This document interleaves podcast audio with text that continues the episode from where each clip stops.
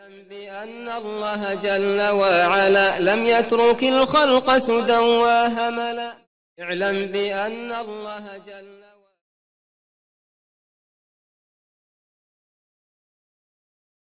بسم الله الحمد لله الصلاة والسلام على رسول الله استعين بالله لا حول ولا قوة إلا بالله. اللهم لا سهل إلا ما جعلته سهلا وأنت تجعل الحزن إذا شئت سهلا. اللهم أرنا الحق حقا وارزقنا اتباعه وأرنا الباطل باطلا وارزقنا اجتنابه. ولا تجعل الحق ملتبسا علينا فنضل. اللهم آت نفوسنا تقواها وزكها. أنت خير من زكاها أنت وليها ومولاها. برحمتك يا أرحم الراحمين. ربنا لا تزغ قلوبنا بعد إذ هديتنا وهب لنا من لدنك رحمة إنك أنت الوهاب.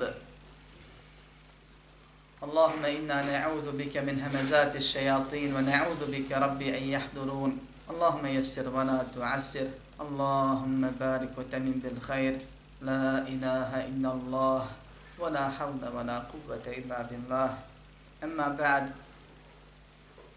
Sva hvala i zahvala pripada samo Allahu, gospodaru svih svjetova, savršenom, koji jedine zaslužuje da bude obožavan i zbog toga je ljude i džine stvorio.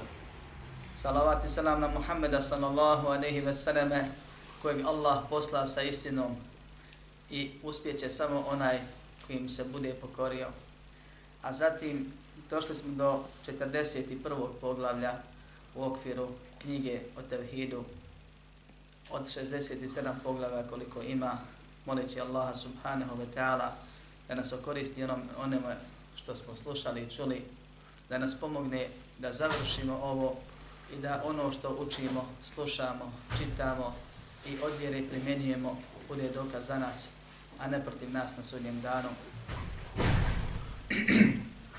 A zatim poznato je da je tevhid izdvajanje Allaha subhanahu wa ta'ala u onome u čemu je on poseban od njegovog savršenstva, gospodarstva i prava na ibadet. Osnova svih ibadeta je srce i ono što je u srcu.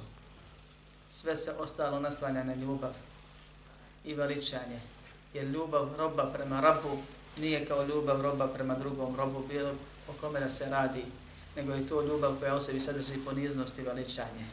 Tako da se kaže osnova tevhida je veličanje. I pravi vjernik Allaha subhanahu wa ta'ala veliča svojim srcem, veliča ga i ne zapostavlja ga i ne vrijeđa ga svojim riječima svjesno ili nesvjesno, nego se odgaja da govori po tevhidu kao što živi i radi po tevhidu. I naravno, vjernik Allaha vjeruje tako što mu njegove propise primjenjuje i ibadet upućuje, to jest veliča svog gospodara dijelima. Pa je svaki ibadet ima simboliku veličanja na ovaj ili na onaj način. Došli smo do jednog poglavlja koje zadire u sve tri vrste tevhida. Poglavlje o Allahovim subhanahu wa ta'ala blagodatima, a o tome smo već govorili ne kao izdvojen ders, pritom mislim na ovaj ciklus, a ne na dersove koje držimo van ovog ciklusa. I ovdje se stavlja u ovom poglavlju poseban akcenat na greške ili negiranje Allahovi subhanahu wa ta'ala blagodati u riječima. Ne srcem i ne dijelima. I ovo automatski govori da postoji nekakav odnos vjernika prema blagodatima srcem i odnos riječima i odnos dijelima. Stoga ćemo prije nego pređemo na stvari komentar poglavlja koji nije dugo, govoriti općenito o onome što je bitno. A to je blagodat. Po definiciji blagodat je sve ono što čovjeka raduje ili otklanjanje onoga što čovjeku smeta, štedi, šteti ili ga rastužuje. Allah subhanahu wa ta'ala kaže u Kur'anu وَمَا بِكُمْ مِنْ نِعْمَةٍ فَمِنَ اللَّهِ Svaka blagodat koju imate, koju uživate, od Allaha je. Ili od Allaha je svaka blagodat koju uživate. Koliko ima blagodati? Kaže Allah subhanahu wa ta'ala وَإِنْ تَعُدُّ نِعْمَةَ اللَّهِ لَا تُحْسُوهَا Ako budete brojali Allahove blagodati, vi ih ne možete sabrojati, sabrati, izbrojati, sakupiti. A sve što čovjek ima, što ga raduje, u čemu uživa, što prepoznaje kao blagodat ili je zanemaruje, a ona mu koristi. Dakle, ona blagodat koju smo, koje smo svjesni i ona druga koje smo nesvjesni, a konzumiramo je, sve je to od Allaha subhanahu wa ta'ala. S druge strane, na osnovu ovog ajeta, nijedna blagodat koja je direktan produkt nečijeg uticaja, nije njegova, nego je također od Allaha subhanahu wa ta'ala, a ta stvar ili osoba je samo uzrok. Allah subhanahu wa ta'ala je prije nego je stvorenja stvorio, sudbinu im propisao. I blagodati im propisao. I iskušenja im propisao. وَنَبْلُوكُمْ بِشَرِّ وَالْخَيْرِ فِتْنَ Mi vas dobrim i zlim iskušavamo. فأما الإنسان إذا ما ابتلاه ربه فأكرمه ونعمه فيقول ربي أكرمن čovjek kada ga Allah iskuša tako što ga blagodati obasipa kaže moj gospodar me počastio u suri Fajr Allah subhanahu wa ta'ala kaže da onaj kome su date blagodati da je ujedno njima iskušan kako? zašto? gdje je kušnja kad uživaš u tome?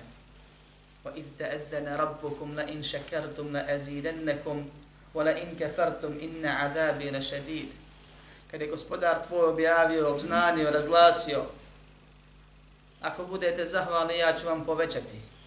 Ako budete nezahvalni, znajte da je moja patnja bolna.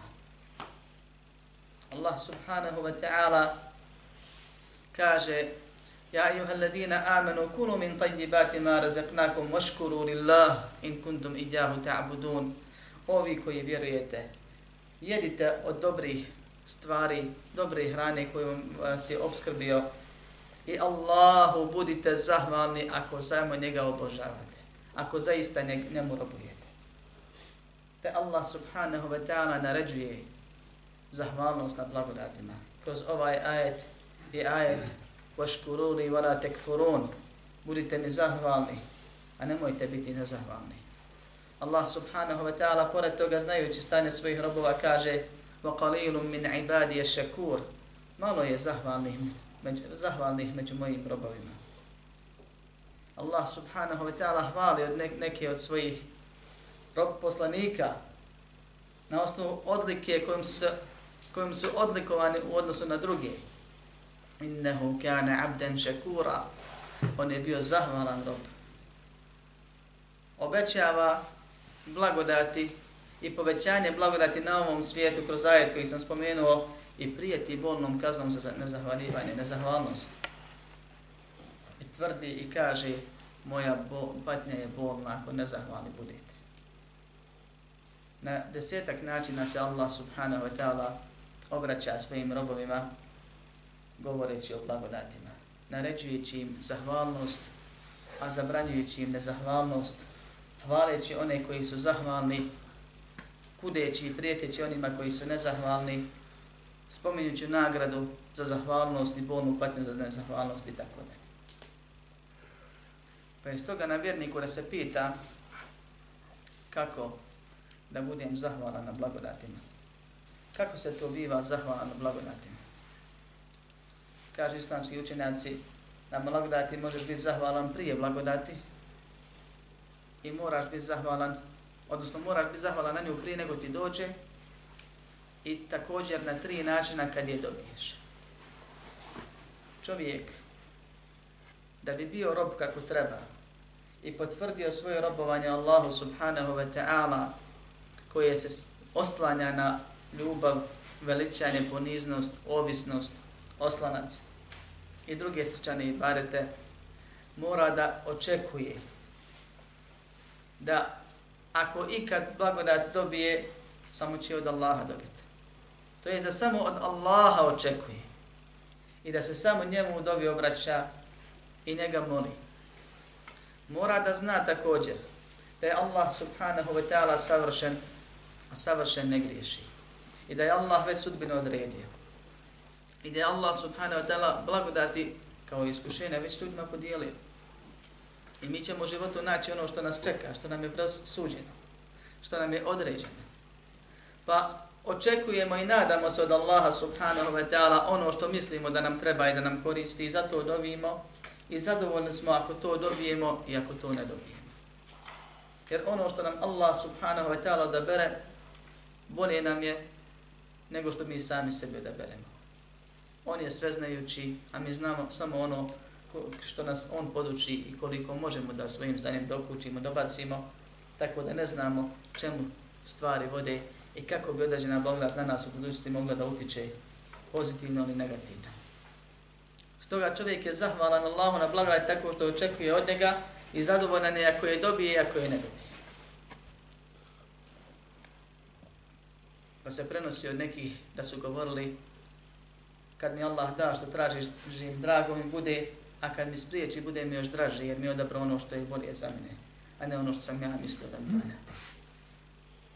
Nakon što Allah subhanahu wa ta'ala počasti nekom groba, nekom blagodati, a mi već uživamo u nebrojeno mnogo blagodati. Ali mislim kad čovjek traži, ili dobiješ, ne tražiš. A blagodat je sve ono što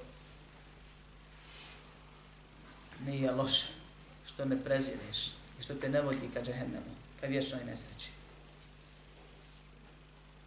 I svaka blagodat je kušnja, kao što sam već rekao, po ajetu proučenom, kad Allah iskuša čovjeka tako što ga, ga blagodati počasti, a u drugom ajetu kaže kad ga iskuša tako što mu umanji, pa je jedno i drugo iskušenje, a u ajetu kojeg sam također spomenuo kaže iskušavam vas dobrim i zlom, zlim, dobrim i lošim, čovjek je iskušan iskušenjima i belajima da bi osaborio.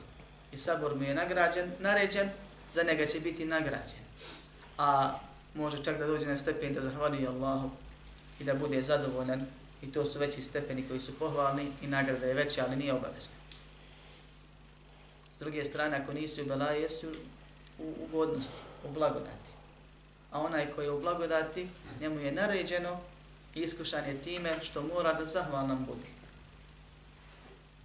Pa kada se već u blagodati, a mi smo raznim blagodatima, svaka ona koja nam naumpadne, a možemo da dobijemo i trebamo da dobijemo općenito za sve blagodati koje znamo i koje ne znamo, čovjek mora da zahvalije na njima srcem, jezikom i dijelima. Srcem tako što će vjerovati da sve ono što je dobio, što ima, što je postigao, što mu je dato, što je naslijedio, što će u životu da kuša od ugodnih stvari, od blagodati, da je sve to čisti produkt Allahove dobrote prema njemu. Da on to ničim nije zaslužio. Niti je on to postigao. Ako kaže, sve sam ja to sa deset prsti zaradio, mora i trebao bi prije toga da bude svjestan da mu je Allah dao i ti deset prsti, kao i sve drugo i priliku i mogućnost kretanja i govora i sve druge stvari, sve ono što ga je dovelo do određenog uspjeha. Svaki korak na tom putu Allah subhanahu wa ta'ala ga je vodio. A on ništa od toga ne bi mogao činiti da mu Allah nije dao određene stvari kojima se čine i to i mogućnosti i priliku da se sve to poklopi i da uspije. Dakle, da Allah uzroke i učinio da uzroci djeluju. Jer koliko je onih koji imaju uzroke, a njihovi uzroci ne djeluju. Primjer toga je čovjek koji se oženi i živi normalno sa ženom, Allah mu ne da potomstvo. Ta ima uzroke, koji onaj drugi. Ili čovjek hoće određeni spol djeteta, Allah da drugi. Na to ne može da utiče. A onaj drugi isto tako ima što želi I tome slične stvari. Dakle, dvojica popiju istu tabletu, jednom dijeli, jednom ne dijeli. I to je poznato da Allah subhanahu wa ta'ala je taj koji je stvorio uzroke i taj koji daje i pokreće te uzroke da djeluju. I džabati uzrok 1 plus 1 ne mora biti 2 ako Allah ne da taj rezultat. Kao što je u spomenutim primjerima. Stoga čovjek mora svojim srcem, kad god dobije neku blagodat, da automatski se usmjeri ka gore. da osjeti zahvalnost, da kaže alhamdulillah,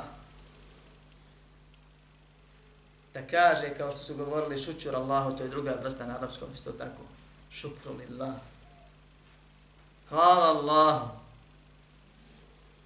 Pa onda ne smeta i treba i propisano da se zahvali i nekome preko koga je tu blagodat dobio. Preko koga mu je Allah tu blagodat poslao. Jer niko ne stvara sem Allaha. A i blagodati, i svaka od blagodati je stvorenje. Pa je Allah subhanahu wa ta'ala stvorio tu blagodat. I nije samo da je stvorio, kao što je Allah stvorio novac, pa nema svako novca dovoljno, koliko bi želio. Nego Allah je stvorio i tebi dostavio, tebi dodijelio određeni dio. A ostali su samo poštari. Bili živi ili neživa bića, sve su to samo poštari. I ti si poštarka svojog blagodati, ništa više. Samo je dostaviš sebe od Allaha koji je poslao. Stoga čovjek ne prepisuje sebi, niti nekome drugome, nego direktno se usmjeri gospodaru svjetova i zahvali mu i osjeti zahvalnost. I kaže Alhamdulillah. I šta god misli o svom životu i uspjesima koje je napravio, ako je napravio, svako ima neke uspjehe, mora da bude svjestan da ono što je učinio, postigao, da ga je Allah subhanahu wa ta'ala svojom dobrotom do toga doveo, da mu je mogao skratiti nešto od uzroka i on nikad ne bi mogao doći. Da postoje ljudi poput njega ili bolji od njega koji imaju više uzroka, istih oni preko koji je on došao do uspjeha i da nisu uspjeli kao on. Nakon toga, braćo moja, čovjek je obavezan da ovo i prizna. Jer svi vjernici ovo znaju. Neki su u momentu svjesni, neki nisu. U momentu blagodati kad im dolazi. Ali kad ih pitaš ko, šta, kako, otkud, razgovaraš, uđeš dublje u raspravu, svako će ti priznati da je to od Allaha. I vjernik je vjernik zato što vjeruje. Međutim, često se desi da čovjek kaže ovo je moje, ja sam to postigao, ja sam to s deset prstiju postigao, samo ja sam to, niko mi nije pomogao. I neke rečenice gdje, umjest, gdje sebe veliča ili svoju porodicu ili svoju firmu ili svoje potomke ili ne znam šta drugo, a Allaha ne spominje. Allah subhanahu wa ta'ala mu dao te blagodati. O ovom detalju će biti govor ako Bog da kroz poglavlje.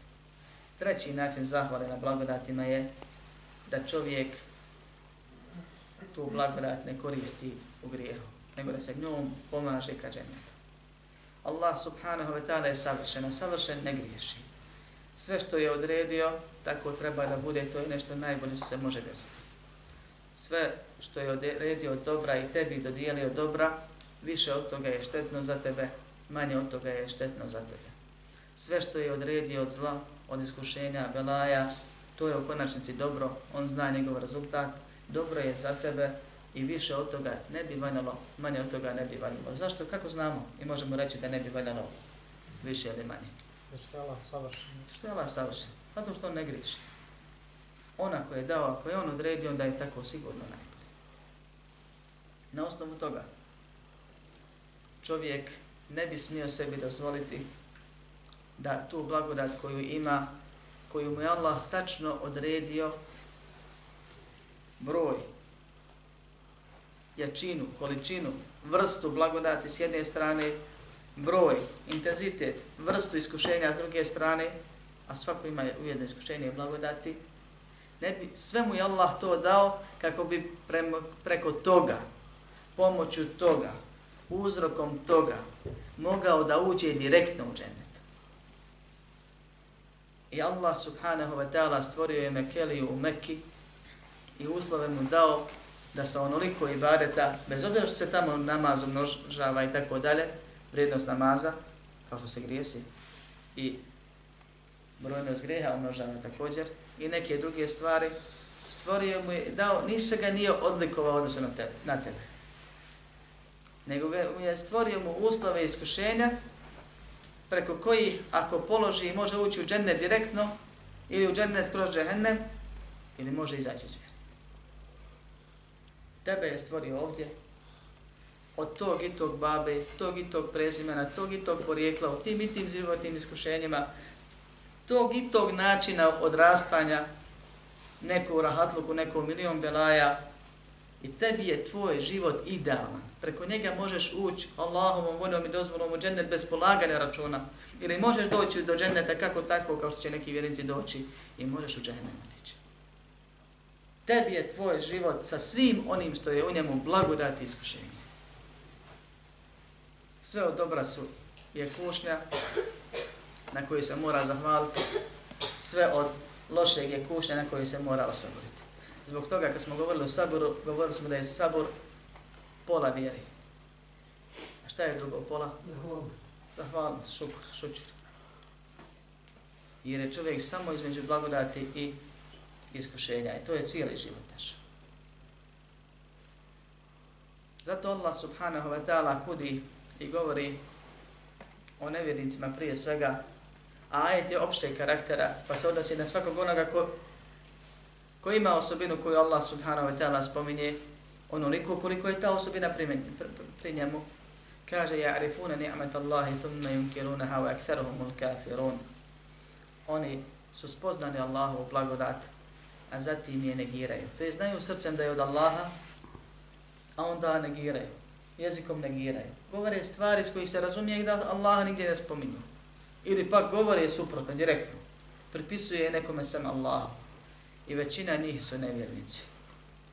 Pa se u nama razilazi da li se ovaj ajet odnosi na veliko nevjerstvo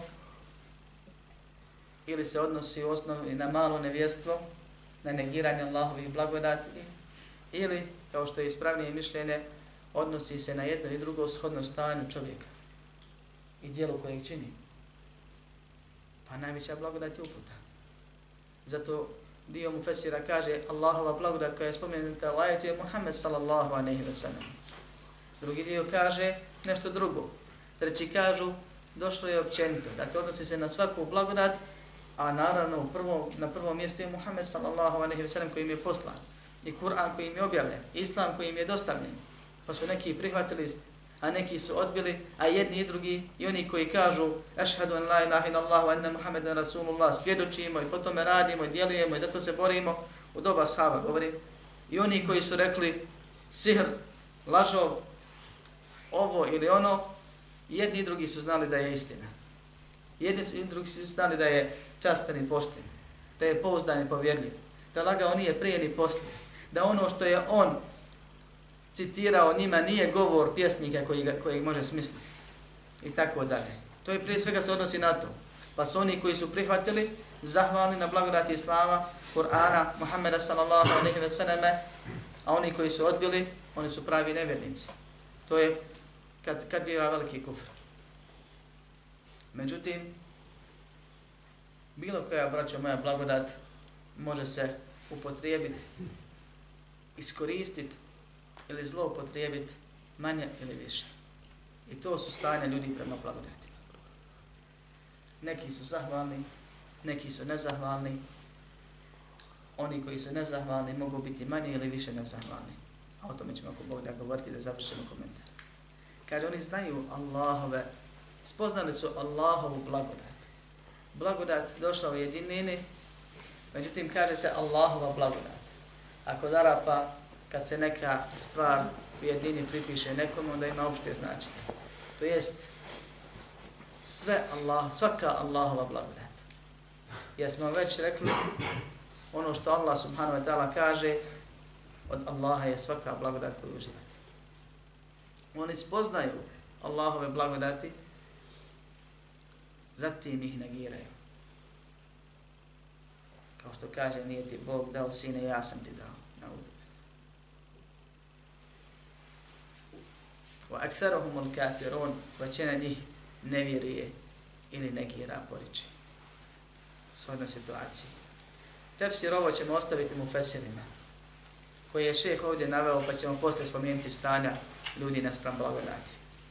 Kaže Mujahid, Mujahid, poznati mu fesir, iz doba tabina, cijeli tefsir ili cijeli Kur'an je proučio pred Ibn Abbasom, a Ibn Abbasom smo već govorili, na svaki ajet koji bi proučio, stao bi i pitao ga šta znači. Pa bi uzeo od njega komentar. To su njegove riječi. I zato kaže Sufjan Thauri, rahimahullah, imam od imama ehli sunnata wal džemata, kad čuješ da je nešto protumačio muđahid, ostati je. Ne, mora, ne moraš dalje ni tražiti. Iako muđahid nije bezgrešan. Ali govori o jačini njegovog znanja, znanja u tefsiru, poznavanja na što se odnose kuranski ajeti i tako dalje. Kaže, huwa qawlu rajuli hada mali varithuhu an abai. Na to se kaže odnose riječi čovjeka ili u ovaj ajet, u značini ovog ajeta, iako je općenito, spadaju riječi čovjeka, ovo je moje metak, ja sam ga naslijedio od mojih predaka. Nekad bude upitan. Pa da odgovori. Da stojeđe tu. Nego da se hvali i ponosi tim. Ovo je moje i ja sam predaka naslijedio. Mislim da kaže, ovo mi je Allah dao da naslijedim. Ili na neki drugi način da kaže, alhamdulillah, ovo sam naslijedio. Da Allaha negdje spomene, da se ne stiče dojam da ga je zaboravio, da sebi sve pripisuje, on kaže, ovo je boje, ja sam ovo naslijedio. Kod nas kaže, uz deset prstiju često ih pokazuju, kao da su ih oni sebi stvorili. Allah subhanahu wa ta'ala je taj koji mu je dao blagodati. Niti je njegovo, nije sebi stvorio, niti je njegovih predaka. I Allah subhanahu wa ta'ala je taj koji mu je dostavio blagodati od njegovih predaka na dva načina. Da je htio jedan da promijeni, to ne bi njemu došlo. Prvo, Allah subhanahu wa ta'ala je odredio da njegovi predci budu bogati, da imaju metak i da i on bude bogat, pa bilo da naslijedi, zaradi ili nešto drugo. Nije on sebi sudbinu propisivao. Drugo, Allah subhanahu wa ta'ala je u šarijatskom nasljednom pravu propisao da on bude taj od nasljednika. Pa je samo tako i mogao da naslijedi imetak. Da je Allah rekao, na primjer, sav imetak muškaraca ide k čerkama, a sinovi nek sebi zarade i steknu, on muškarac ne bi dobio nikad tako. Primjer samo govori ne bi dobio ništa. I ne bi se mogao sutra hvaliti da kaže ovo je moje, ja sam ovo naslijedio. Nego je Allah taj koji je odredio i propisao da on dobije taj metak i onda on nekome što bismo rekli nabija na nos kako on to ima, kako su njegove uvijek imali i kako će oni uvijek imat, kao da su oni imaju nekakav mehanizam kojim se to proizvodi i stiče, a drugi nemaju naša. Stoga čovjek mora da veliča Allaha subhanahu wa ta'ala da ga ne vrijeđa svojim jezikom, nego da svaku blagodat koju ima i onu koju nema, da zahvaluje Allahu subhanahu wa ta'ala na tome, na jednoj zahvalije, drugo, da Allaha samo očekuje i nikome se drugom ne ponižava, ne uvlači, ne, dodvo, ne dodvara kako bi stekao nešto od dunjaluka ili neke druge Od dunjaluka sve je drugo, sve, sve što nije vjera je dunjaluk.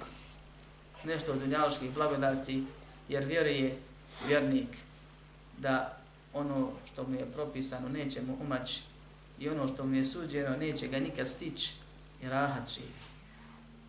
Uzima za sebe, traži, stiče na halal način, jer na haram svakako nećemo koristiti, jer vjernik zna da ono što uzme na haram način bit će zato pitan, odgovoran na sudnjem danu, vjerovatno i kažnjen, imaće problem sa bereketom na dunjalku u tome, a da nije uzeo to na haram, Allah mu je svakako propisao ako je to on potrošio, da to uzme na halal način. Samo što je on ubrzao stvar na neispravan način. Pa neće dobiti onoliko koliko mu je propisano još od halala, nego će to biti to pa živi rahat ne teži za haramom, što će mu? Jer zna ono što bi eventualno mogao da uzme, otuđi na nedozvoljen način, zna da nije siguran da li će to potrošiti, a siguran da će mu grijeh biti upisan. I zna da ono što potroši od toga što je uzeo, da je svaki zalogaj čovjeku i svaka stvar koju konsumira obuče, u potrebi, da je to već unaprijed propisano, Allah mu nije propisao grijeh kao grijeh, u smislu ga ne, na njega natjerao, da on to nije uzeo na haram način, sigurno bi to pojeo, potrošio, potrebio na halal način. Pa ne teži ka tome, jer vjeruje i ima ispravno vjerovanje koje ga Allahom voljom i dozvolom čuva od toga da skrene i posrne. Kaže Aun ibn Abdullah, kažu da nije njega, bilo bi tako i tako. Ili da nije bilo njega, otišli bi u halači. Kaže Ibn Kutejbe, ovo je rezultat zagovara, zagovaranja naših šefaata, naših božanstava. E to je nešto drugo. Tu imamo širk i ovo govore pravi mušnici nevjernici na koji se prvenstveno odnosi ajet, jer kad dobiju nešto od dobra, pripisuju svojim božanstvima. Mi smo njima se molili, pa su oni Allahom molili, pa nam je Allah dao. Ako dobiju nešto od zla, nekakav velaj, onda ne kritikuju sebe zbog svojih grijeha. Ne traže uzroke belaja svojim grijesima kao što to rade vjernici, tako i nama propisano, nego obično traže probleme u vjernicima. I kažu, ili izmišljaju nekakve baksuze. Nekomu je kriv, neko je baksuz, što je njega ili nije zadesilo to i to. I to je osobina nevjernika. I to je velika stvar. Međutim, kaže da nije bilo njega, da nije on došao, gotovo je bilo. A da ga Allah nije poslao, bili bi, bili došao. Otkud on tu u tom trenutku? Jel znao što će se desiti pa čekao? Da je znao upozoriti ranije. Da uopšte ne upadaš u gale. Nego je Allah dao da bude tu da bude svjestan, da bude spretan, da reaguje pa te pomogne pri nekoj nesreći ili nečem. I Allah ti to sve propisao, odredio. I ti umjesto da kažeš da ga Allah nije poslao, da Allah nije dao, pa onda spomeneš tu osobu kao uzrok, ti dođeš i kažeš da ne bi njega propali bi, da ne bi njega pocrkali bi, da ne bi njega ne znam nija šta kažu da pas nije zalajao, zalajao je ušao. Koliko ima psi, pa, pasa koji ne reaguju kad treba da reaguju. Koji uspavani budu. Koji nečim zabavljeni budu. Koji nemarni budu. Koji se preplaše. Allah dao da tvoj reaguje i da te opomene, i da ti izađeš, i da onaj pobjegne. Ima ih koji ne bježe. Nego se na tvom pragu s tobom hrvu od lopova. Pa te savladaju. Dođu malo spremniji. I ti sve to jednom pašetu pripisao. Sve ove blagodati koje Allah subhanahu wa ta'ala dao. Da ti čuješ, šlaveš, jer neki ne čuje. Da pas zalaje. Da se onaj upaši i pobjegne. A ne uvijek takva, takva situacija. Stoga čovjek mora da bude svjestan da sve što se zbiva kreće i biva svoj voljom svemogućeg Boga koji nikad nestat neće. Da Allah svim upravlja. Da Allah stalno svim motri. Da sve što se desi Allah daje. I da Allah bude zahvalan tako što neće pripisivati bilo koju blagodat nekome se njemu, makar ona bila uzrok, jer uzrok je uzrok, uzrok je poštar. Zamislite, braćo moje, da vam neko pošalje po poštaru, neku hediju, ti vi svo vrijeme zahvaljujete poštaru. Napišete na Facebooku, hvala poštaru što mi je donio to i to. A onoga ne spominjete što ti je poslao. Ili bilo gdje drugo.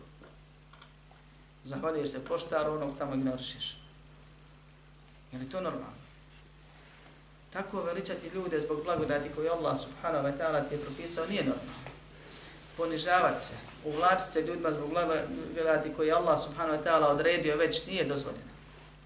Popuštati uvjeri s ciljem dobivanja nečega od dunjaluka preko nekoga od ljudi koji te ucijenjuje ili se ti unaprijed bojiš, možda te i ne ucijenjuje, nije dozvoljeno. Nije ispravno. Što ti je suđeno, neće ti umaći.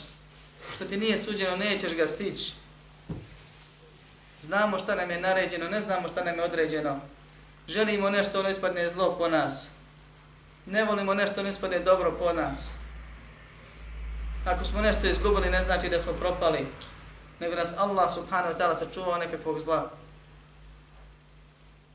To su sve tako jasne stvari, lake stvari. A od Allaha se uputa i učvršćenje traži. Kaže Ebul Abbas ibn Taymiyyah, rahimahullah, nakon što je spomenuo hadis koji smo već, mi već spominjali, bilježi ga Buhari, muslim od Zedi, od eh, Zaid ibn Khalida, da je poslanik sallallahu alaihi wa sallam klanio sabah na Hudejbiji nakon kišne noći, pa je rekao, znate li šta vam gospodar poručuje? Gospodar je jutro rekao, osvanu je od mojih robova vjernik u i nevjernik kumene, onaj koji kaže, došla nam je kiša, dobrotom, dobrotom te i te zvijezde, ta je vjernik u zvijezdu i kafir, nevjernik u mene, a onaj koji kaže, došla nam je kiša Allahovom dobrotom i njegovom milošću, ta je vjernik u mene, nevjernik u zvijezde. Nakon što je šeh, šehol Islam ibn Taymiye spomenuo ovaj hadis, kaže, a o hadismu smo govorili šta znači i zašto je to vid malog širka, kaže, وهذا كثير في الكتاب والسنة يذم سبحانه من يضيف إنعامه إلى غيره ويشرك به. Ovoga, ovo ima mnogo u Allahovoj knjizi sunnetu njegova poslanika Muhammeda sallallahu alaihi wa sallam kritikuje Allah one koji pripisuju njegove blagodati nekome drugo, drugome i tako širk čine njemu. Koji je širk? Mali širk. U čemu? U riječima. Ja to što kažu. Šta je mali širk u riječima? U definiciji. Po definiciji, ne po težini. Pripisivanje, poređenje Allaha sa nekim drugim ili poređenje nekoga drugog sa Allahom u riječima bez namjere. Bog i doktor me sačuvali. Nije nego Allah sačuvao preko doktora. I ovdje kaže, zvijezda nam kišu donijela. Možda se jeste zvijezda pojavila kad je kiša pala, ali Allah odredio jedno i drugo. I zvijezda nema veze s kišom. Međutim, šeh ovdje kaže, ima mnogo situacija u Koranu i Sunnetu gdje Allah kritikuje one koji blagodat pripisuju drugome i ti njime širk čine njemu.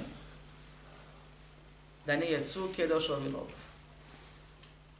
Da nije bilo da nisu bila zimske gume i nove kočnice, kaže, oto, desio bi se udes. Koliko je oni sa zimskim gumama i novim kočnicama koji ne zakoče na vrijeme, koji se zbune, izgube, ne odraguju na vrijeme, ne uspiju. Ima i drugih uzroka milion, poznati i Allahu samo poznati. Pa kad Allah odredi, sve se poklopi i djeluje. Kad Allah odredi suprotno, kao što kaže Arapi, da ja al qadar ami al basar. Kad dođe Allahova odredba, zaslijepi čovjek. Misliš, možeš proći, a ne možeš. Misliš, možeš sastati, a ne možeš. Ne vidiš ono što svi oko tebe vide, svi upozoravaju, vrište, ciče, zovu, a ti da ideš dok ne upadneš u, to, u taj balaj. To je poznato, to živimo, to je život. Stoga vjernik Allaha subhanahu wa ta'ala stalno se sjeća i spominje ga na prvom mjestu, pa onda spomine ono što ima. I zato kaže šeh nakon toga u posljednje tekstu vezano za ovo poglavlje, rekli su neki od selefa, u to spadaju riječi, bio je dobar vjetar, ispretan, mornar i tome slično od onoga što ljudi često koriste i govore. Kaže, bio dobar vjetar, bio mornar, znao fino da upravlja i mi stigli na vrijeme, mi stigli bez problema. Dob, novo auto, dobar vozač, stigli mašno. A da je Allah htio ne biti mako. Niti biti auto pomoglo, niti biti vozač pomoglo, ni svi vozači svijeta. Allah dao dobro auto. Allah dao lijepe uslove. Allah dao nije bilo zastoja. Allah nam se smilovao. Allah nas sačuvao. Allah nas još jedan dan poživio i proživio. I budeš od onih koji Allaha često spominje. I ne budeš od onih za koje Allah kaže, oni znaju da je ta blagodat od Allaha, ali je negiraju. Pa ako je svjesno, onda su nevjernici, ako je nesvjesno, onda su grešnici, čini mali širk Allahu subhanahu wa ta'ala. Stoga ljudi, naspram i blagodati, se dijeli u nekoliko grupa. Postoje ljudi koji negiraju da Allah ima i postoji samim tim njegove blagodati, njihovo stanje je jasno. Također postoje ljudi koji Allahovim stvorenjima koje su oni uzeli za božanstva da ih Allahu približe, pripisuju neke od Allahovih osobina dijela, konkretno blagodati. Pa kažu to je šefatom naših božanstava, to je naš šejh sredio, to je ovo ili ono. Ako vi niste čuli, ja sam čuo mnogi od tih stvari. I ovo nije neka naučna fantastika, ovo se nažalost dešava. Oni koji pripisuju Allahove blagodati drugima, vjerujući da su oni ti koji daju te blagodati, da su blagodati same koje nastavi tako dalje, takvi čine veliko nevjesto koje izvodi iz. Oni koji vjeruju da je svaka blagodat od Allaha subhanahu wa ta'ala i samo od njega, mogu da pripišu blagodat stvarnom uzroku ili izmišljenom uzroku ili nepostojećem nevezanom uzroku, to je ovo malo prije. Pomoću šefata, pomoću šeha, pomoću ovoga ili onoga vlije, njemu dolazi blagodat. Ima li dokaza? Nema nikakva. Ima li znak, kakva veza? Nema nikakva veza. Dok vam uzme neki uzrok, onda se gleda na osnovu pravila koje smo naučili davno, da li je taj uzrok dokazan vjerom ili naukom ili nije. Pa onaj ko napiše sebi dovu, ajet, hadis, pjesmu, zakači to sebi negdje u džepić, blizu srca, ili zakoje potkovicu na auto, ili nešto slično tome, on je napravio nekakav uzrok. I vjeruje da ga to čuva. Tu spadaju ona pravila vezano za uzroke u ubjeđenju, ako vjeruje da ga to čuva samo po sebi, to je rijetko, gotovo nikako, onda je on nevjernik pravi. A ako vjeruje da ga Allah preko toga čuva, onda je to mali širk. Dakle, dijelo koje je nazvano širkom, koje je po težini gore i teže od velikih grijeha da nas Allah subhanahu wa ta'ala sačuva, a o tome smo govorili, dokazivali, ali je ne izvodi izvjeri. Zašto nije ispravno? Zato što taj uzrok nije stvarni uzrok. Nema veze zapis sa čuvanjem, kao što nema veze ni potkovica sa srećom i kao što nema crna mačka veze sa nesrećom. Zato nam treba ili šarijatski dokaz, njega nema ni u Koranu, ni u Sunnetu, ili naučni dokaz također nema nikakve veze ni jedno s drugim. Stoga je to opasno dijelo, ali ne izvodi izvjeri također oslanjanje na sebe bi je problem. Da čovjek zanemaruje da taj sebe, to što si ti popio tabletu, ne mora biti znati da ćete proći bolest. Ne mora značiti. Ako Allah da da djeluje proći, ako Allah ne da, nećete proći.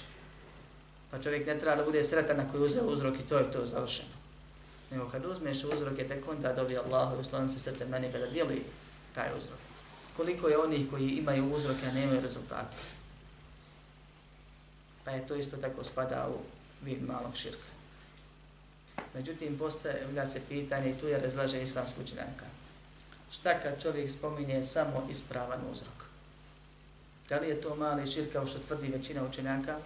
Bez obzira što je uzrok stvaran, da nije bilo kočnica, novi palebi ili neki drugi uzrok koji je direktniji, ili je to ipak dozvoljena stvar u nekim situacijama, u nekim je mali širk. Pa dio će nekak tvrdi da čovjek mora da bi se spasio greha staki puta da Allah spomene neki način. Kada kaže Alhamdulillah. Da se vraća sve na kraju na Allah. Hvala Allahu pa je došao. Hvala Allahu pa da, da je on reagovao i tome slične stvari. I to je najsigurnije, bez imala sumnje. I svako kažu drugo pripisivanje strane ljudi koji nisu na nekom posebnom nivou, misleći na poslanike vjerovjesnike, da spada znači u mali širk. To je prvi stav. Drugi stav kaže da onaj ko je dobročinitelj, ko je uradio, ko, da se tako izrazim, pogovara, a ne, nije zahvalan, ko zadužuje, a nije dužnik, da taj može reći, drugo je pitanje da li treba ili ne treba, ne mislim pogovaranje stvarno, nego da kaže situaciju, da nije bilo mene, bilo bi tako i tako. Dok onaj kome se desila ta dobrota, taj ne smije govoriti, jer pokazuje zahvalnost njemu.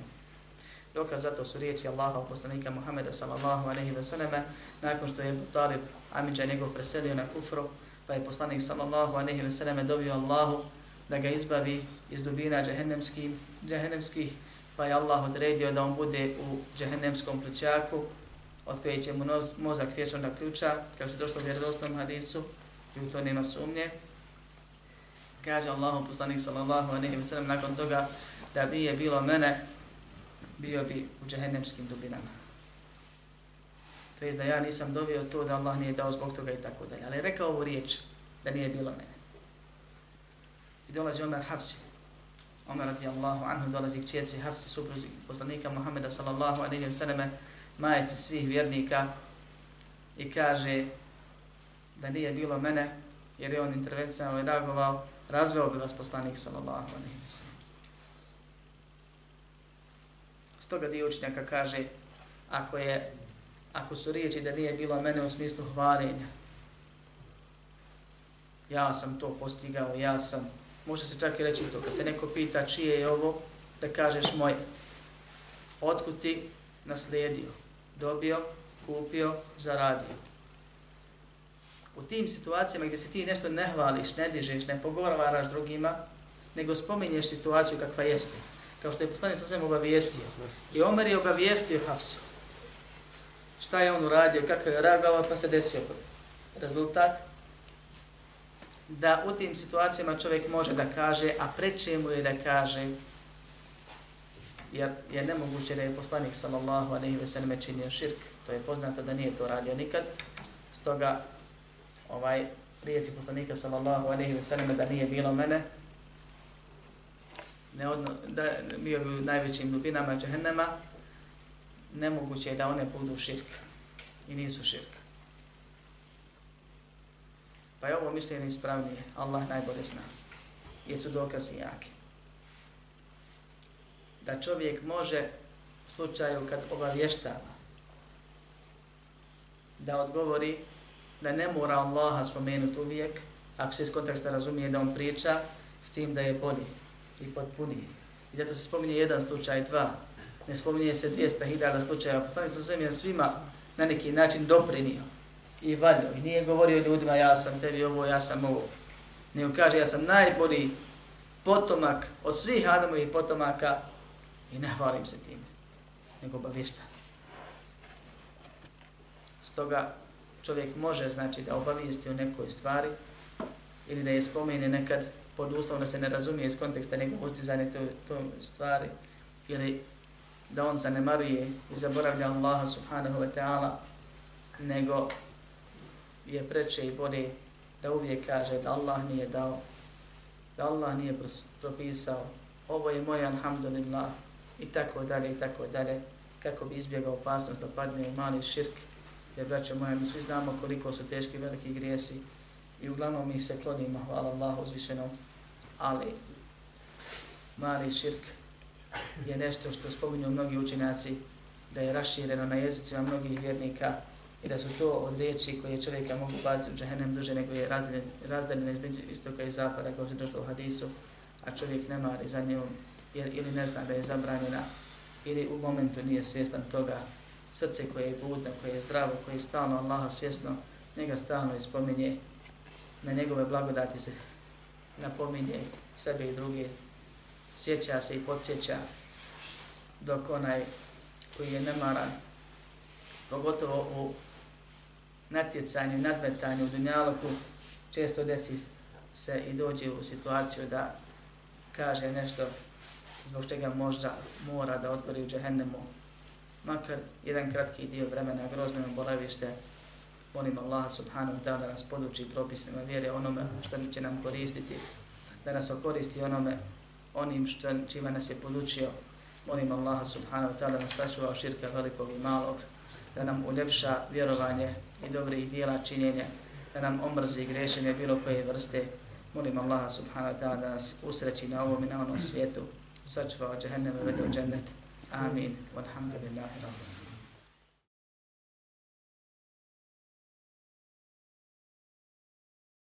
اعلم بأن الله جل وعلا لم يترك الخلق سدى وهملا اعلم بأن الله جل